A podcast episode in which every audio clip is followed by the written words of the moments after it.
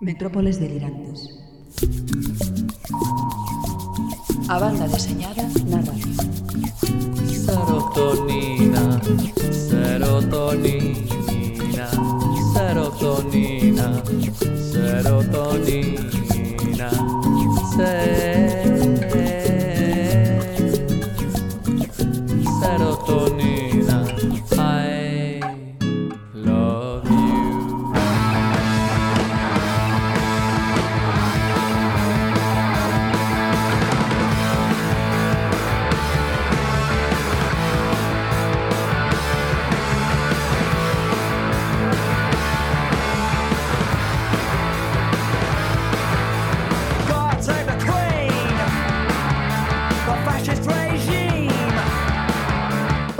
Son Nieve Rodríguez e aquí comezamos a undécima emisión das Metrópoles Delirantes na radio online Campus Culturae da USC.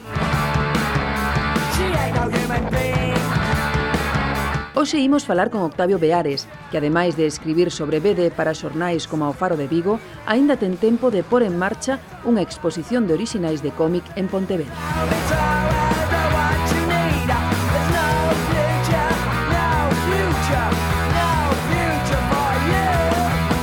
O señor B trae un imprescindible que é un retrato emocional dunha xeración, porque hai banda deseñada que é pura poesía.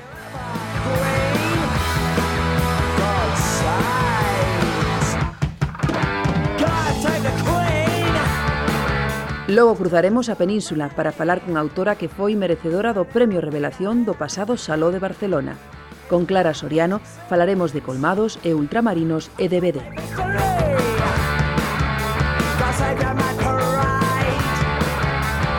Anosa técnico, Reyes Abad, tenga nave preparada, es en demora, zarpamos a.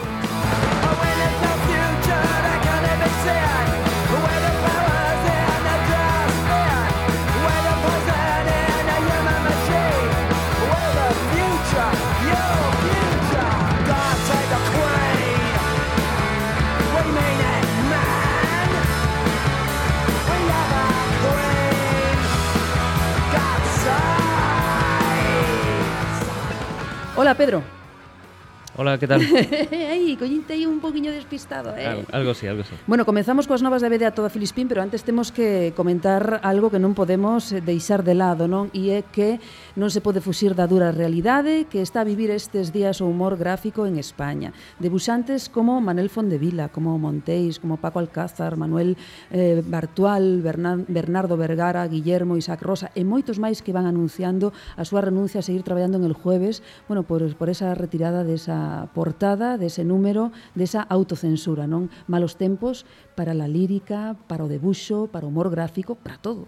Sí, parece que hai xente que aínda lle ten medo a ser un, unha voz crítica eh, e eh, é máis triste que parece que estamos a presenciar o remate de algo como era el jueves, que era a mítica publicación onde tivo cabida case todo o mundo, onde houve moitísimos grandes autores que empezaron aí, e que parece que, que vai rematar pois case que por unha chiquillada de alguén, un editor que non quiso que na súa portada houbera unha mención a, a abdicación do rei. Bueno, como soemos decir, pola mala cabeza de alguén.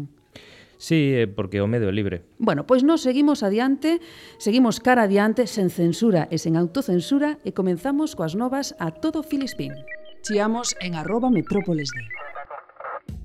O vindeiro 22 de xuño vaise celebrar en Madrid o primeiro festival de microedición Eloita Libre, o increíble UL, hostia, un libro, É un festival ao aire libre adicado á microedición literaria combinado cun show de loita libre. Durante un día enteiro reunirá nun espazo común a todo tipo de editores independentes, editores de fanzines e calqueira iniciativa editorial non vinculada cos grandes grupos de comunicación. Ata 70 stands de editoriais independentes, microeditoriais, edicións autosestionadas, así como unha pequena feira do libro. Tamén haberá outras actividades como talleres para nenos de edición artesanal, charlas e mesas redondas sobre a autoedición, distribución caseira, así como peleas de galos literarios e loita morte entre poetas. Será o 21 de xuño de 12 a 10 da noite no Campo de la Cebada en La Latina, Madrid. FNAC e Ediciones Salamandra convocan os oitavo Premio Internacional de Novela Gráfica. O prazo de presentación está xa aberto e rematará o 28 de novembro de 2014. As obras que obten ao premio estarán escritas exclusivamente en castelán, serán orixinais e inéditas. Cada autor deberá enviar unha proposta do libro cun mínimo de 16 páxinas rematadas por unha soa cara. O importe do premio será de 10.000 euros e a proposta gañadora será publicada pola editorial Ediciones Salamandra. Máis información en www.clubcultura.com. Nace Trilita Ediciones, unha editorial que recuperará clásicos da BD de humor francesa. O seu primeiro título será O integral de Aquiles Talón, un clásico creado por Greg e que fora editado en 1968 por Bruguera, un título que chegará en setembro de 2014. O álbum conta ca traducción de Enrique Sánchez Abulí, unha introducción de Joan Navarro e un prólogo de Ramón de España. Prometen moi pronto anunciar novos e interesantes títulos. Seguiremos informando. A picas de chegar esa metade do ano, as tres películas protagonizadas polos personaxes da factoría Marvel Comics son as máis taquilleiras do ano. Capitán América o Soldado de Inverno leva recadados 710 millóns de dólares. The Amazing Spider-Man 2 690 millóns e X-Men Días do Futuro Pasado leva 510 millóns e ten serias opcións a desbancar as dúas anteriores.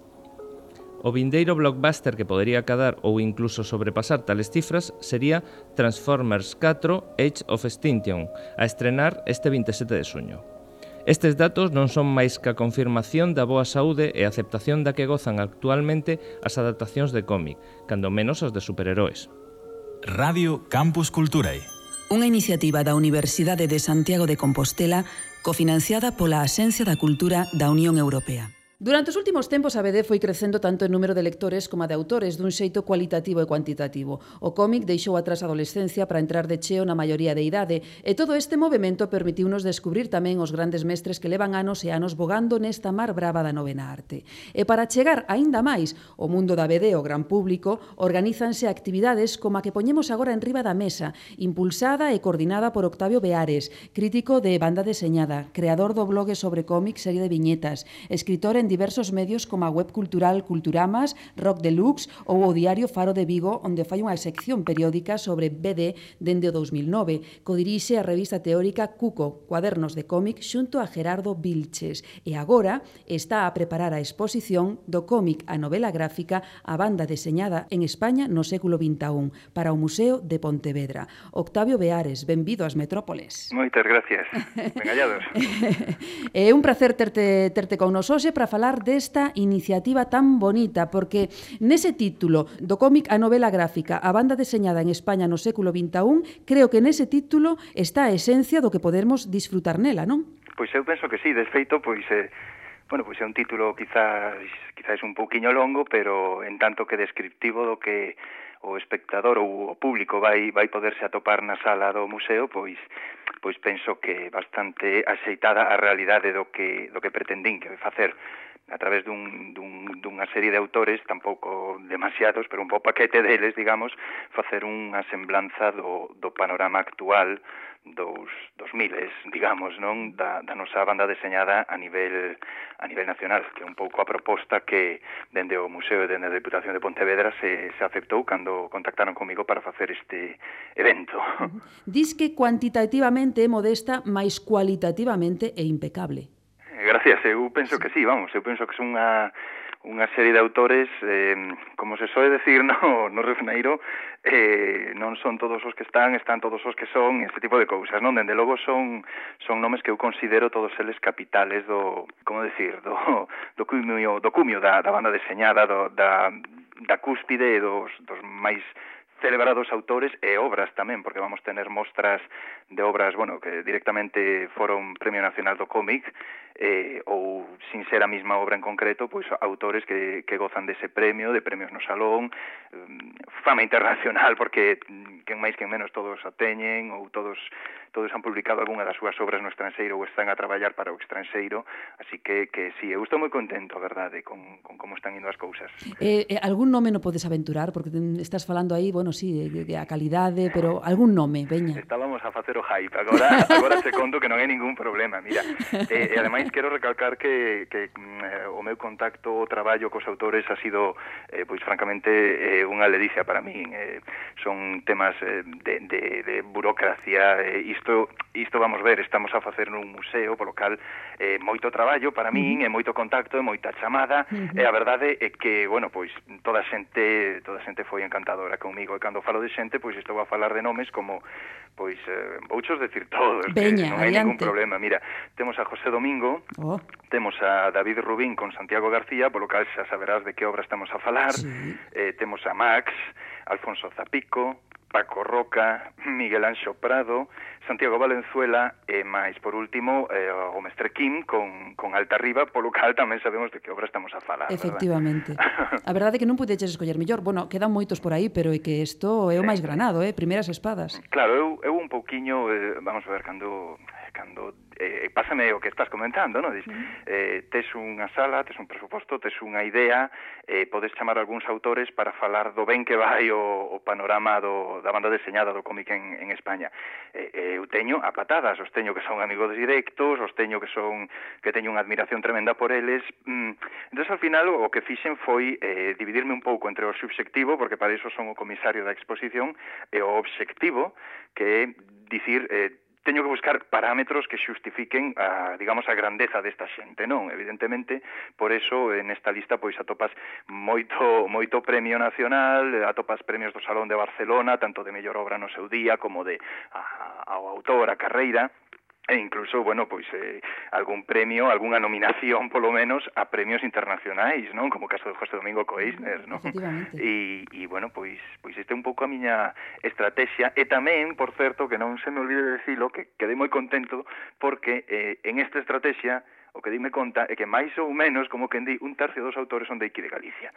De, de modo que estamos a falar do cómic nacional, pero carai, estamos en Galicia, estamos en Pontevedra e a nosa canteira é potentísima tamén. Facendo, ¿no? facendo patria. Eh, di que sí. Eh, a tua máxima nesta exposición é expoñemos cómics, leamos cómics. Sí. Como pretendes levar isto á práctica? Claro, isto é un outro dilema, non? Ao, ao final, cando comisarías unha exposición deste tipo, polo menos o que me está pasando a mí, trátase de resolver dilemas conceptuais. Un del, deles era o tema de que autores, e outro, dende logo, era que, que vou expoñer, porque eu son dos que sempre defendín, mesmo públicamente, que realmente o cómic, eh, o, o feito Eh, eh, rematado. Eh, no caso do cómic non son os orixinais, ni moito menos, sino é unha cousa que se produce industrialmente, que todos chamamos libro, cuadernillo, eh, eh, revista, o sea, xa, temos un cómic que é algo que lees, que mercas e lees. Entón, eu o que pretendo é que cando, cando a xente que visita a exposición eh, entre na SA, mm, gasta o seu tempo e mm, paseso ademais eh, divinamente porque vai ver eh, bosquexos, mm, vai ver orixinais a lápiz, orixinais a tinta, mesmo moitas veces esta maxia do, do que non existe que é a cor a través de, de programas informáticos, pois mm, están expostos con plotter e mm, por, por último, pero importantísimo, eh, tamén vou a pôr a disposición da, da xente os propios libros, de modo que se si estamos a expoñer, pois como decía, orixinais de Beowulf Eh, o lector vai poder ver mm, orixinais a tinta, un orixinal a tinta, van ser pouquiños por autor, eh? máis ou menos, pois, eh, entre 5, 6, 4, según autores, é o que me mandan e o que proxectamos cada, con cada quen, non? Pero, eh, basicamente, iso, estamos a ver orixinais, moi interesantes, preciosos, ademais, moitísimos delos son, vamos, non decir todos, porque realmente eu cada vez que iba chegándome algo eh, quedaba coa boca aberta, non? Pero eh, ao final eh, quería brindar a posibilidade de botarlle unha boa ollada ao que é o produto final, que é o cómic, o libro, do, a novela gráfica. E estará na sala xa nos, xa nos puseches os dentes moi largos. Lembranos datas, lugar e duración da exposición. Mira, as datas, eh, isto vai durar un mes. Comeza o 20 do, do mes en no que estamos, de xuño, e ata 20 de xullo. Polo cal tamén, sabes, bueno, pois se si hai demasiada calor, o Museo de Pontevedra ten un, un aire acondicionado exquisito, entonces vaise pasar unha, unha boa un, un borrato si o calor está terrible destes que non nos deixa ir á praia e se si desgraciadamente está a chover, pois mira, pois tamén é unha, unha boa opción, non si? Efectivamente. Eh, bueno, eh, Octavio, non podemos marchar sen falar mm, desa controvertida decisión eh, da editorial del jueves desta de semana de autocensurarse. Eu supoño que terás unha opinión formada en canto a isto. Por supuesto, por pois supuesto. veña, adiante. Eh, vamos a ver, autocensurarse. Eh, aquí quen censurou foi eh, RBA, Uh -huh. eh, eh, bueno, pois estamos eh, no momento no que estamos eh, con unha serie de temas delicados que, non obstante, eu penso que a liberdade de prensa, de opinión e, sobre todo, a liberdade do humorismo gráfico para opinar a través de chistes non debería estar mancillado por este tipo de, por este tipo de asuntos. A maiores, a dignidade daqueles que decidiron no día, no, no día de, bueno, de onte que estamos, estamos falando, pois, a dignidade de deixar o proxecto, pois eh, pareceme eh, de gran valor, mm, xente moi valente eh, e eh, aplaudines ademais públicamente, e tamén hai que, hai que considerar que aqueles que deciden quedarse, estou sempre a falar dos autores, pois están no seu dereito eh, moi digno, e eh, ojalá pois, pois fagan eh, del jueves la revista de referencia en humor crítico e liberdade de humor crítico que sempre ha, ha sido. Eu penso que é un un escándalo sí, e, sí. e bueno, pois eh, estamos vivíndolo, eu penso que todos no no mundiño con, con moitísima intensidade. Bueno, pois aí queda esa opinión. Moitísimas gracias por, por, por deixala aquí nas Metrópoles Delirantes. E nos únicamente lembrar esa exposición que vai ter lugar a partir do 20 de suño durante un mes no Museo de Pontevedra. O cómic está nos museos. Señoras e señores, achéguense a velo e achéguense tamén para leelo. Aí está organizado por Octavio Beares. Aplaudimos dende aquí esta iniciativa e o gallá que haxa moitísimas máis. Octavio, moitísimas gracias. A vosotros, moitísimas gracias Unha Gracias. aperta, eh? Apertas. metrópolesdelirantes.com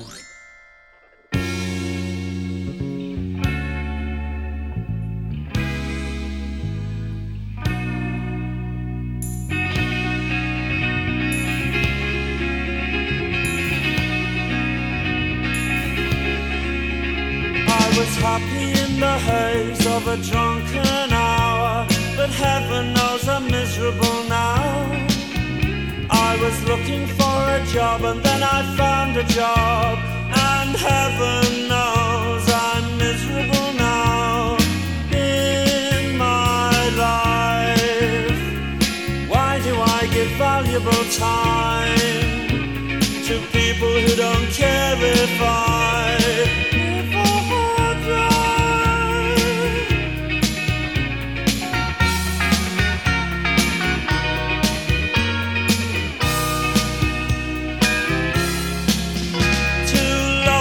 twine pass me by.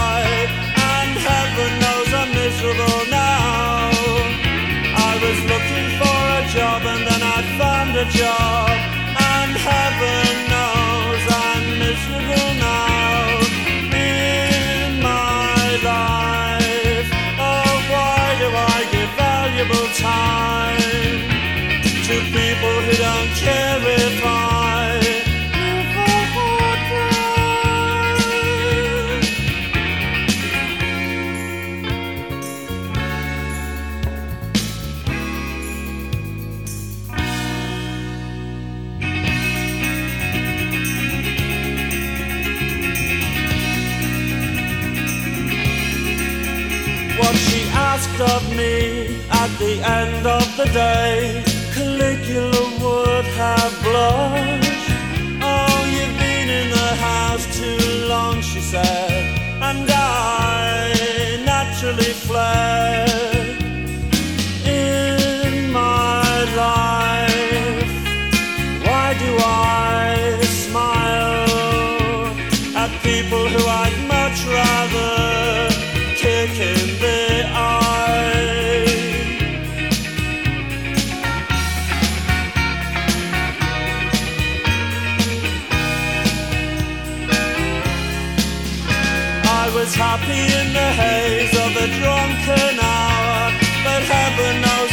Miserable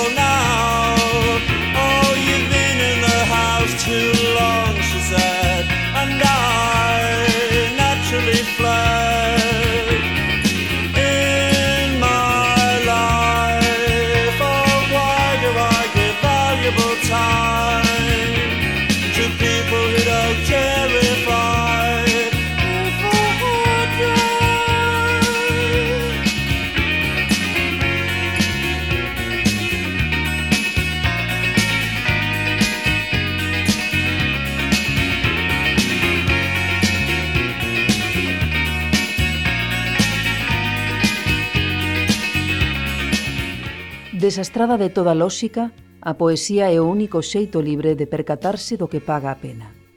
A poesía redime o todo. Esta é unha das moitas perlas que atopamos en os combates cotidianos, calificada polo propio autor Manu Larcenet como a súa obra mestra.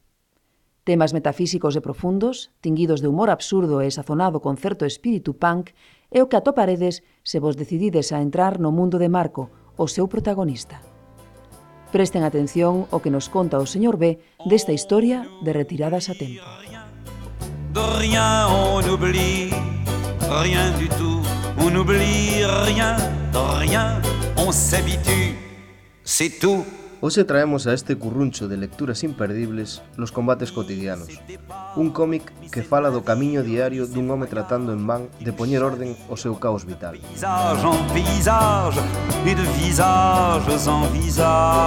Marco é un fotógrafo de 30 anos en crise ca súa profesión e por ende con varios aspectos da súa vida.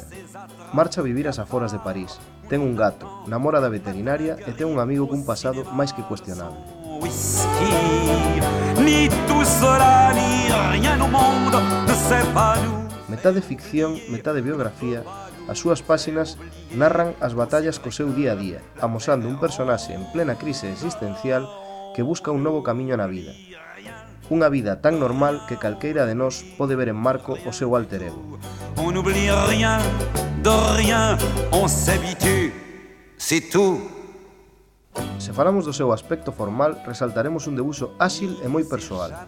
Os combates son descritos en cores cálidas case que todo o tempo, aínda que hai viñetas en sepia e negro que reflicten o lado máis reflexivo do protagonista, o que sucede fora da narración lineal da historia e que resulta fundamental para entender os medos e obsesións de Marco.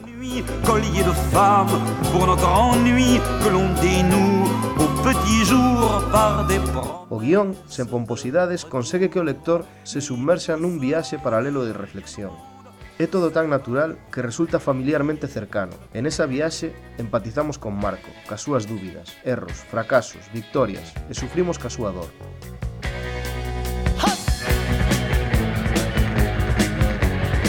Ao mesmo tempo, Larcenet non fai ademán de fuxir en ningún momento do humor, porque sabe da súa importancia en calquer loito.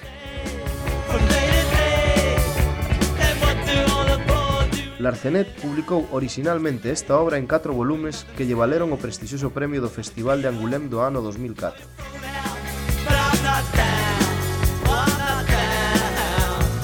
Manu Larcenet crea unha obra na que a conclusión máis clara é que sen perderse un intre ou moitos é imposible chegar a ningures.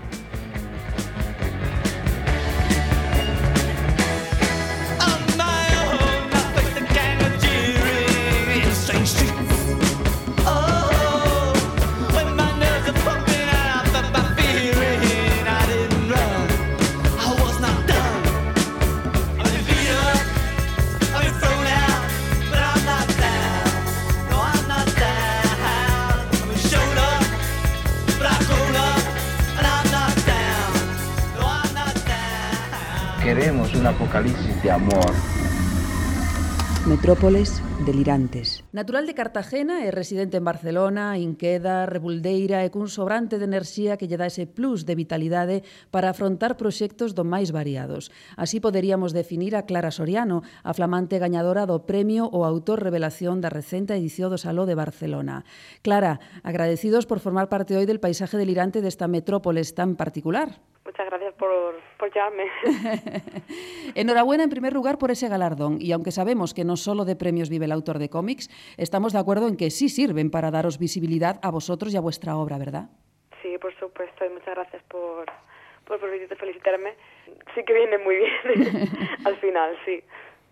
La obra a la cual le debes este reconocimiento es Colmado Sánchez, una grapa de 24 páginas con un precio de 6 euros, editado por Caramba, y que precisamente eh, ha sido tu primera obra larga. Para los que aún no han ido corriendo a la librería a comprarlo, ¿qué tiene de peculiar este colmado?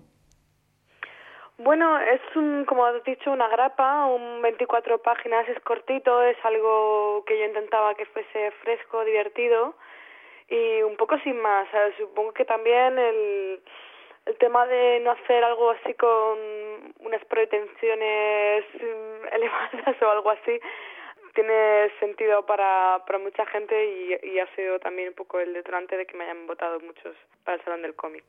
Costumbrismo, humor, naturalidad, una obra sencilla, que no, que no quiere decir simple. Eh, ¿Crees que estas cualidades son las claves del éxito de, de esta grapa? Sí, creo que sí, creo que frente al, a la novela gráfica que ahora mismo parece que es solo lo que se puede encontrar en librería, pues hay gente a la que le ha caído simpático pues un cómic que fuese de otra manera, que fuese un poco diferente. Diferente, pero, pero no humilde, quiero decir. El número de páginas no tiene nada que ver con, con la calidad en este caso. Bueno, espero que no. no, espero que no.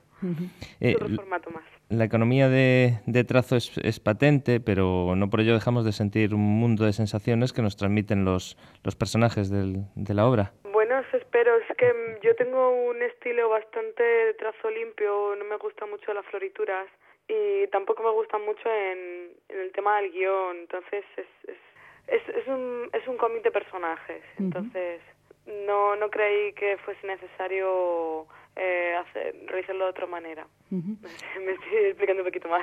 No, no, no, si te explicas perfectamente. Tú también eres, eh, eh, economizas no en el trazo, sino en las palabras, pero comunicas mucho con ellas. Eso es así. Eh, claro, eh, Clara, vemos eh, que, que el cómic eh, se desarrolla en un colmado, en un colmado que es la cosa más tradicional de lo que son las tiendas, ¿no? Que- pero por ella pasan personajes modernísimos, es decir, actuales, ¿no? Es una mezcla.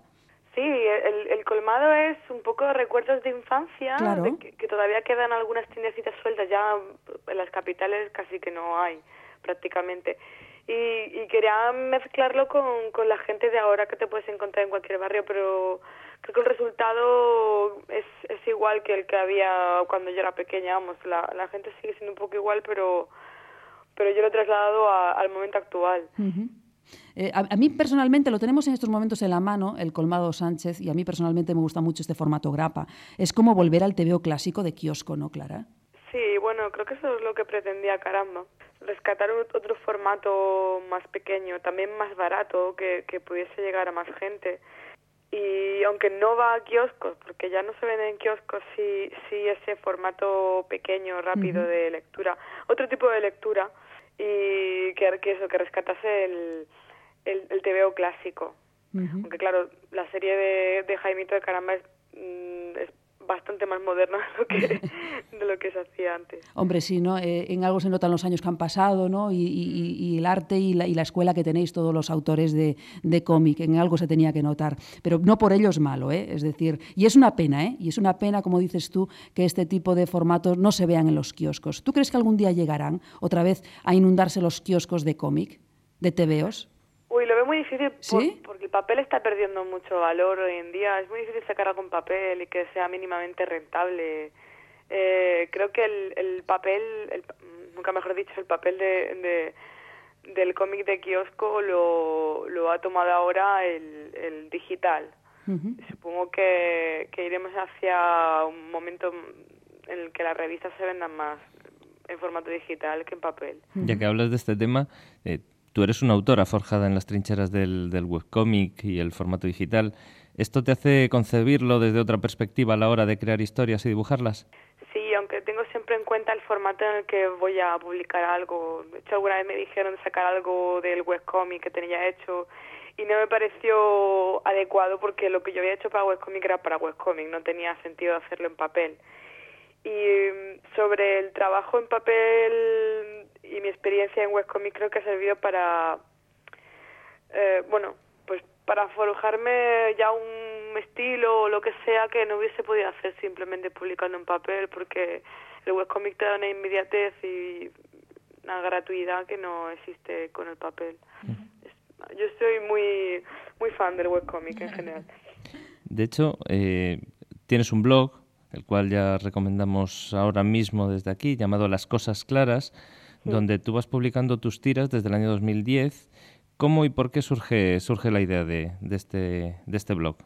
Bueno, yo mm, tuve un, un fanzine con unos amigos en la facultad y duramos varios años por aquello acabó, acabó mm, ya quedando quedando fuera y pasé un tiempo que no dibujaba nada y dibujaba solo para mí y mis amigos. Y llegó un momento que pensé que sería bueno pasar eso ya a un web, al webcomic, porque ya empezaban otra vez, em- empezaba el tema webcomic a, a pegar más fuerte, ¿sabes? Se, se veía más. Y pensé hacer algo con, con los dibujos que hacía en la libreta. Plan, para que lo viesen también mis amigos, no, no pensaba que, que fuese a trascender mucho. Bueno, de, de hecho, vamos a seguir hablando del webcomic. Ya sabemos cómo, cuáles han sido tus comienzos, pero ahora mismo, en nada, no sé si ya habéis levantado la persiana de las caniculadas. Esa webcomic que sale, que sale solamente en verano, ¿no? Sí, sí, ya estamos con el tema a- Anda. a tope. Sí, ¿no? Eh, queremos empezar, pues, no sé si final de la última semana de junio y ya julio, porque sí, seguramente en julio lo tenemos que anunciar ya un poco de forma oficial. Y ya estamos planeando la nueva temporada cómo la vamos a hacer, porque siempre hay siempre hay líos con las fechas, caen unas fechas muy mal, bueno, claro, es que lo, hicimos, lo hacemos en verano. Y, y estamos ya distribuyendo el tiempo y tal. Y, y también estamos hablando de un- del formato papel porque vamos a sacar algo en, en, en- papel. Sí, es- es- ya esa es la novedad, verano. ¿no, Clara? Sí, Esa es la novedad en, en este verano que, que va a sí, empezar. supongo que durante mm, los meses de verano ya iremos anunciando el, el, el cómic en papel. Mm, ¿Vais a lanzar un reto a los del el heptágono de las verduras? Pues de momento no lo De hemos las Bermudas, valorado. perdón. Sí, sí, ya.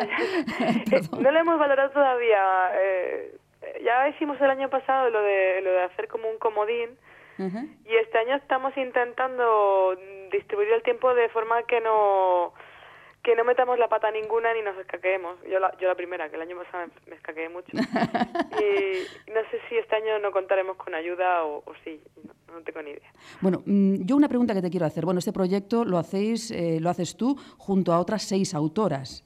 Eh, ¿Por qué cobra vida en verano? ¿Por qué esta estación? ¿Hay algo en especial? Porque el resto del tiempo, no, t- el resto de la, del año no tenemos tiempo. Estamos Anda. todas con nuestros proyectos profesionales, la mayoría nos dedicamos a la ilustración y, y vamos siempre muy mal de tiempo. Y era hacer algo divertido en verano, en plan de eso, en vez de hacer una viñeta en tu página personal, juntarnos y hacer un poco de, de fuerza entre todas y por, y por gusto, Porque nos apetecía. Bueno, y, y en verano, que es cuando toda la gente se coge vacaciones, vosotras seguís trabajando. Pero de otra forma, es más, lo tomamos como, como un dibujo que hagas en tu blog, que haces por gusto, lo tomamos de esa forma, ¿no? Como tampoco es algo que, que, que tengamos una editorial detrás, ni que sea remunerado, ni nada, es, es más libre. Es también la gracia de Caniculadas, que es totalmente libre. Bueno, otro proyecto en el que has estado inmersa eh, y yo creo que hoy cobra más sentido sacar este tema encima de la mesa por todo lo que ha pasado con el jueves estos días. Clara, además tú has trabajado para el jueves también, ¿no? Sí, he hecho algunas cosas. Sí, has hecho algunas cosas para el jueves y estamos todos enteras- enteradísimos de esa autocensura que se ha aplicado la revista. Yo quería sacar a colección ese otro proyecto en el que has estado inmersa y que ha dado mucho que hablar, esa adaptación que habéis hecho 15 autoras del libro de relatos de Hernán Migoya, Todas putas. Eh, un libro que en su época no llegó a autocensurarse, pero, a, a censurarse, pero sí que tuvo muchos problemas. Sí, sí, tuvo, tuvo mucho follón y yo cuando me metí en este proyecto no sabía cómo iba a salir también a... a- cómo que, cómo que iban a opinar los Sí. lectores. Y bueno, también ha habido algo de crítica, pero creo que menos, porque han visto que nuestro papel también ha sido eh, coger una historia y cambiarla a nuestra manera y dar otro punto de vista, que es la gracia de la ficción también coger personajes o historias que no son agradables, pero, pero darles forma y que tengan un atractivo. Y bueno, al final creo que ha quedado bastante bien. Yo estoy muy contenta de, de cómo ha quedado el álbum y espero que la gente también, la gente también le, le resulte atractivo. Bueno, mm, nosotros pensábamos que, y al hilo de todo lo que está pasando estos días, nosotros pensábamos que este país estaba preparado para publicaciones como la del jueves, como por ejemplo esta adaptación de Todas putas, pero estamos viendo que todavía no hemos madurado lo suficiente, ¿verdad? Pues no sé.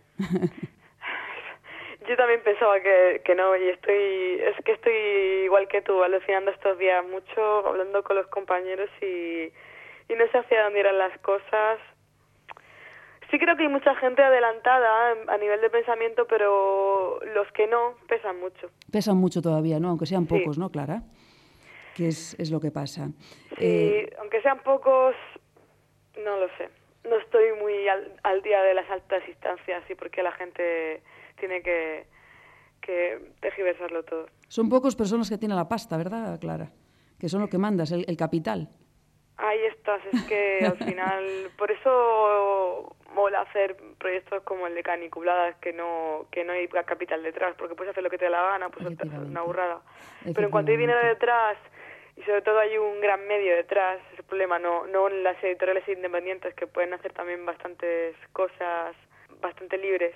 Hay capital detrás, se fastidia todo. Se fastidia todo, eh, evidentemente. Bueno, y hablando de los dibujantes, yo supongo que hacer reír mediante un cómic es difícil, ¿no, Clara? Hacer humor, ¿no? Tú que te dedicas a esto y es lo que más te gusta. ¿Cómo va a ser el jueves de aquí en adelante? ¿Con, con un montón de autores menos? ¿Va a ser más difícil hacer reír al público de aquí en adelante en el jueves? Bueno, es que no tengo ni idea, ¿sabes? Porque ahora mismo mmm, me voy enterando que se va cayendo más gente. ¿Sí? Hay mucha gente que está dejándolo. Y no sé si al final será un órdago y RBA verá lo que ha hecho y tomará alguna decisión o, o se irá todo al garete, es que no, no lo sé. Ojalá que no, ojalá que no, porque hay mucha gente trabajando allí, no solamente autores, y sería una pena muy grande. Es el único medio, bueno, también está Mongolia, pero así de, de exclusivamente de cómic y de humor gráfico es el, el único medio que Sí, queda. sí. Yo no te puedo decir, yo tengo las esperanzas de que algo se pueda arreglar. Retomando un poco tu, tu faceta como, como, como dibujante, ¿en qué estás trabajando ahora? ¿Vas a continuar haciendo cómics largos sin papel o vuelves al mundo digital? Bueno, ahora mismo tengo que terminar un par de encargos de ilustración, que eso es lo que a mí me da de comer, vamos. Y tengo pendiente el, el cómic con las caniculadas, que eso será algo cortito. Y sí, tengo una historia un poco larga que quiero darle salida. Pero de momento estoy todavía peleándome con el guion, porque quiero que salga un poco largo, largo, largo, no, no 24 páginas. Y quiero que dejarlo todo bien, bien hecho. Luego te pones a dibujar y hay que cambiar cosas y no mola nada. Es decir- todavía estás empezando, ¿no? No te vamos a arrancar ninguna fecha para No, que podremos va, que tener algo, no, Ojalá no, que va. ¿no? te lo vas a tomar con calma. Sí, sí. Oye, ¿y cómo se lleva vosotras las autoras o, a- o autores en general eh, que no solamente vivís del cómic, que de eso hacéis trabajo de ilustración, que no sé, eh, os gustaría dedicaros a una cosa solo o lleváis bien compaginando todo esto? Bueno, cada persona lo lleva de, de una forma diferente. A mí me gusta, a mí me gusta hacer un poco de todo.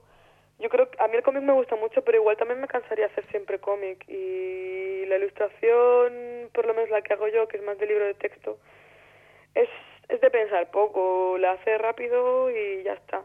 Y luego también hay gente que trabaja en producción de animación, que también tiene su atractivo. Yo no le veo problema, yo no veo problema y sabes que hay gente que a veces dice, ah, es que no eres dibujante profesional de cómic. Y dices, no, yo soy dibujante profesional y punto, y hago de todo. Efectivamente, No te, no te encasillas en un, en un género. No, no, lo que más, si me tengo que identificar como algo, prefiero como comiquera, porque es Ajá. lo que más me gusta. Sí, sí. Pero que también hago otras cosas y no hay problema. Es decir, no tienes ningún problema para nada. Incluso no tienes problema para trabajar en equipo, porque hay algunos autores que eso mm, le resulta eh, difícil, como por ejemplo Manuel Arcenet, que dijo en una ocasión que había dicho que sí a un trabajo para trabajar en equipo y que dijo, a medida que pasaban los días me ponía enfermo eh, pensar en esa opción y al final tuve que decir que no. Es decir, hay gente que no le gusta trabajar en equipo. Por lo que estamos viendo, tú estás como pez en el agua. Bueno, yo trabajo en equipo, pero de momento trabajo con mis propios guiones, que eso también es importante. Porque para trabajar a medias en plan guionista tienes que estar como muy seguro y al 100% de tu compañero y el de ti. Y eso sí es difícil. Igual la CNET se refería más al tema guion que, que a trabajar en un álbum, álbum colaborativo, que al fin y al cabo es, oye, tienes que hacer estas páginas y las mandas y no, no hay tanto tanto problema como, como hacer equipo en un cómic con, con varias personas que son tus guionistas. Yo creo yo que el más el, yo- el- el problema. sí, yo creo que el Arcener no, yo creo que se refería a que no le gusta trabajar con nadie directamente. Bueno, vive en el campo, está ahí solo, el tío no sí, quiere sí, sí, no quiere saber de nada. Digo yo, yo aquí a mi bola me hago yo como Juan Palomo. Yo me lo Sí. guiso y yo me lo como. Bueno, bien efectivamente, cada uno tiene su, tiene su técnica. Bueno, Clara, eh, muchísimas gracias. No te robamos ya más tiempo. Eh, solamente decir que se lle queredes seguir a pista a Clara Soriano podedes facelo a través da súa páxina web clarasoriano.com, do seu blog lascosasclaras.tumblr.com e do seu Twitter arroba señorita Lumpi. Así que aí a podedes atopar e ver o que está facendo, que cousa maravillosa, o que fai esta rapaza de Cartagena afincada en Barcelona. Gracias, Clara, un auténtico gracias, placer eh? y mucha suerte. Muchas gracias, que os muy bien. Un abrazo.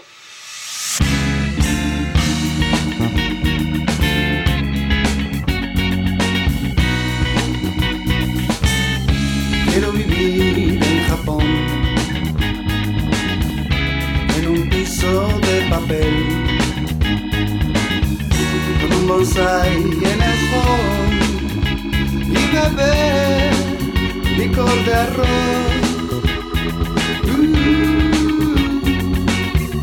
Quiero vivir en Japón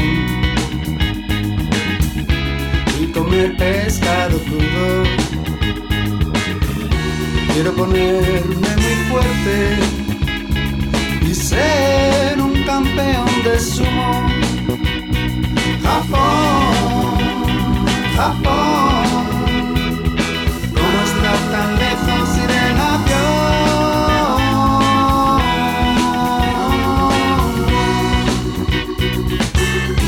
Quiero vivir en Japón con una novia japonesa que me diga sayonara y me haga cosas feas. Japón, Japón, ¿cómo está tan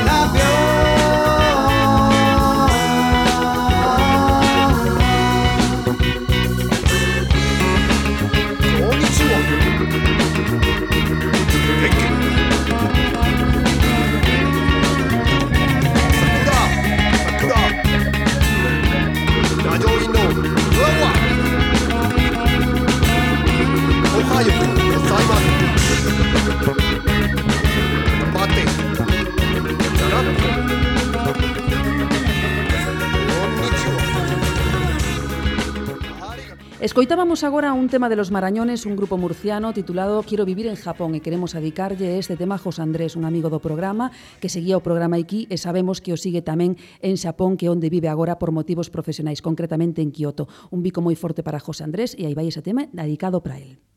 E agora sí, seguimos coas eh, novidades da semana en canto a cómics. E para iso temos con nós a Sami de Alita Comics que ven dende a Coruña. Hola, Sami. Moi boa, xente. Moi boas, que tal? Que nos traes a mí? Bueno, pois pues empezaremos un poquinho reivindicativos precisamente co tema da, do, da revista El Jueves, pois pues nada mellor que empezar con, con as obras de, de Fondevila e de, de Montéis, non? Eh, unhas obras que acaban de ser publicadas por Ediciones de Caramba. E, bueno, comenzamos con Tengo Hambre, que é de Santiago García e Manuel Fondevila, eh, que é unha obra pequena en formato pero grande en historia. Eh, resulta que é unha obra que, que escribiu no seu momento eh, Santiago García no 2005 e que retomou agora Fondevila que acaba de debuxar. Non? Eh, contanos unha historia eh, bastante dura, de xente que ten, ten fame, como tal o, título, o título nos, nos indica, e que, bueno, eh, ven sendo unha historia de un contexto moi actual sobre a migración e a explotación laboral. Unha historia cando menos dura, como decíamos, de Santiago García, guionista do Beowulf, e de Manel Fondevila, edicións Caramba, 24 páxinas, 4 eh, euros. 4 euros, sí. Sí, 4 eh, euros. É eh, formato no? asequible. Eh, no, efectivamente, máis asequible non pode ser. Unha, unha grapiña... Mm, que ten un dibuixo eh, moi, moi contundente, visceral e... Eh, é moi é que realmente recomendamos é que bueno, que aparte como ten unha lectura tan rápida é de reler rápido, o sea, hai que en plan como a, a asimilalo. Digamos que sería unha historia que collería Tarantino e faría unha película, pero en cero coma. Sí, señor. Eh, a historia é para unha película tarantiniana, e eh, cando menos podemos definirla tamén como unha historia de terror. Así que aí queda esa recomendación para que vos vayades a, a vosa librería e a teñades en conta. Seguimos con... E agora vimos con 23 eh, fotogramas por segundo de Albert Monchais, tamén ediciones Caramba, 24 páxinas e 6 euriños. E bueno, eh, contanos unha historia que unhas tiras que foron publicadas na, no 2012 dentro do, do diario do Festival de Xixón EL50 E, bueno, é unha grapa que é moi simpática, non? Porque nos ofrece eh, un bo puñado de chistes a conta de directores, produtores, actores, críticos, espe espectadores e resto de fauna, non? Que proba o tema do cine e que, bueno, que Montés co seu eh, humor tan ácido, pois que a verdade que é fantástico, non? A parte do propio Montés, en, o, o comenzo nos fala das súas películas favoritas, hai que lelo e relelo porque é verdade que é super simpático. Eu lin algo e a verdade é que para, para que non somente se quedasen nesas 24 páxinas, sino para, para que fixera algo máis, pero bueno, eh, di o refrán, non? non? O breve si bo e eh, dúas veces bo, non? Pois non, non hai que forzalo. Recomendamos este 23 fotogramas por segundo de Monteis para toda aquela xente que vive do cine e que está inmersa no mundo do cine, vai para eles. Aparte, todos estamos en modo cinéfilos, todos sí. vemos películas, todos vemos series, o sea que nada, está está moi orden do día, non? Seguimos? Seguimos exactamente, con Pacífico. Ah. Eh, Pacífico, eh, Martín eh, Tristán, Roma e Budi, Baudi, perdón, eh, Ediciones de Planeta, 96 páxinas, 25 ouriños e formato paisado. E, bueno, contanos a historia de, eh, durante a Guerra, Segunda Guerra Mundial, eh, en algún lugar do Pacífico, pois pues, temos un soldado novato que entra nun, nun submarino para entrar como, como rapaz da radio, non? Eh, ven acompañado na equipase cun libro, con especie de libro prohibido, que intenta desfacerse del de moitas maneiras posibles, pero o libro sempre volve a aparecer, non? E a verdade é que é unha historia que, bueno, en, entre nós teñamos un poquinho un, unha pequena eh, discusión no, co tema de eh, do color, co tema da tinta e toda a historia, non sabemos exactamente se, se está feito adrede ou, ou un pequeno erro de, de imprenta, non? Pero bueno, que é unha obra que, que está moi chula e que, que, bueno, que realmente recomendamos. Pero que lle pasa a tinta? Non entendí moi ben. Eh, Brilla moito cando un bote un vistazo a, ao libro brilla, fai un, un efecto raro. Si, sí, ten unha especie como sombreado, como se faltara unha capa de barniz ou algo, ten un mate aí que se o ves un poquinho a contraluz sí, sí. se nota un poquinho máis. É certo, é certo. E vos a discusión que tiñades era se estaba feita a propósito ou se foi un fallo de imprenta, non? Exactamente, sí. bueno, queda aí o misterio. Sí, sí. Para todos aqueles que, que queiran botarlle unha, unha ollada libre, o, o libro. Ben moi o pelo, non? Porque o día de hoxe que estamos gravando mm, as metrópoles delirantes, 6 de suño, sí. eh, fai efectivamente hoxe 70 anos do desembarco de Normandía. Sí, señor, sí. O día de. O día, o día de, de. Eh, ben un poquinho o pelo esta, esta obra que está en riba da mesa, que está ambientada na Segunda Guerra Mundial e que ten toques misteriosos con ese libro que non acaba de desaparecer. Bueno, pois pues aí queda, Pacífico, de Tristram Ambody, de Planeta de Agostini. E ora imos con, ca, co canela fina, que nos ah. ter acostumbrados sobre a xente de Fulgencio Pimentel, que é Cabra de Terry. É uh -huh. unha antoloxía de 192 páxinas eh, por 22 euros, eh, na que nos topamos con, con autores de diferentes países, non? de nove países concretamente.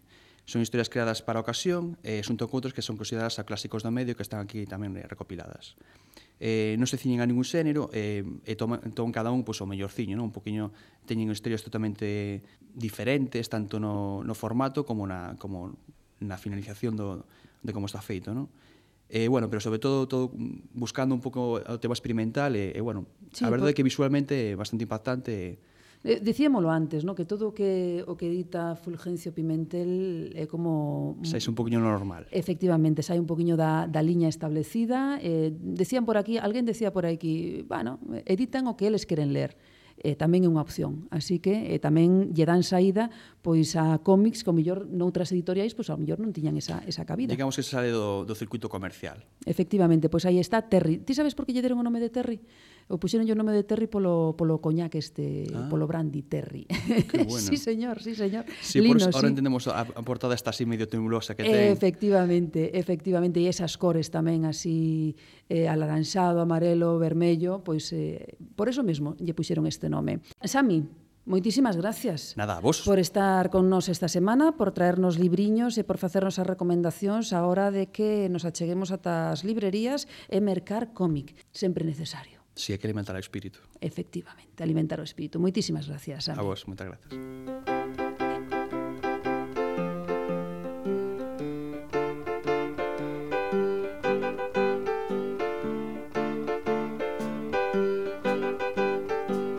I'm gonna give you till the morning comes, till the morning comes, till the morning comes.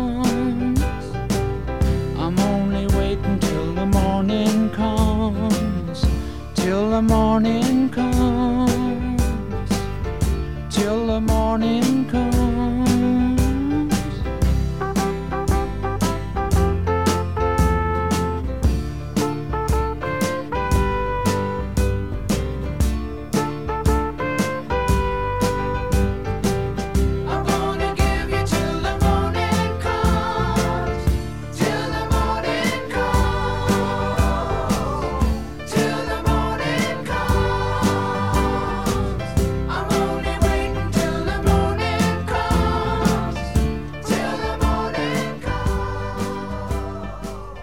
E rematamos este tempo que, como ao sentido común, sempre se fai escaso. Neste programa que foi do Museo O Colmado, Octavio Beares falounos da exposición que poderemos ver en Pontevedra. O señor B deixa outra anotación de calidade na súa listaxe de imprescindibles e Clara Soriano contounos os segredos do seu Colmado Sánchez, un libro que é a revelación dunha autora de tanto talento como a simpatía. E non queremos marchar sen lembrar que os vindeiros 20 e 21 de xuño celebrarase en Pontevedra Gropo Gropo, a edición de verán das fantabulosas xornadas de autoedición. Temos Twitter, se queredes falar con nós, enviade unha mensaxe a arroba metrópolesd ou visitade a nosa web metrópolesdelirantes.com onde imos poñendo máis novas da BD. Voltamos en 15 días con máis banda deseñada, máis música e un novo Borbón o que manter. E lembrade, le de banda deseñada que contra os poderosos, os retrógrados e os estúpidos censores aínda temos a liberdade do pensamento. Metrópoles delirantes. A banda deseñada na radio.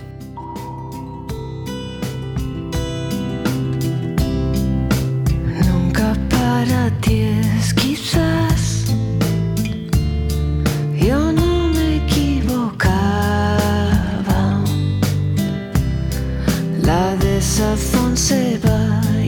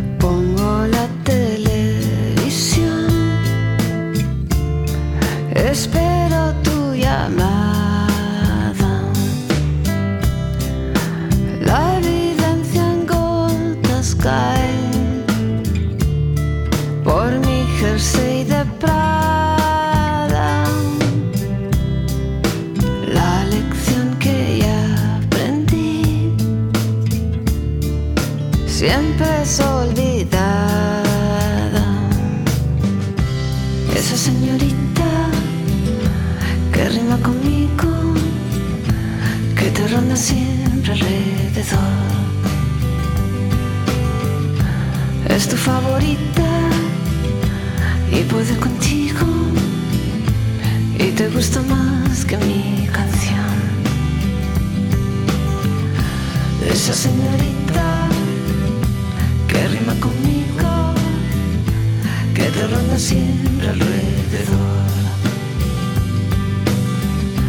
Es tu favorita, te lleva consigo y te gusta más que mi canción.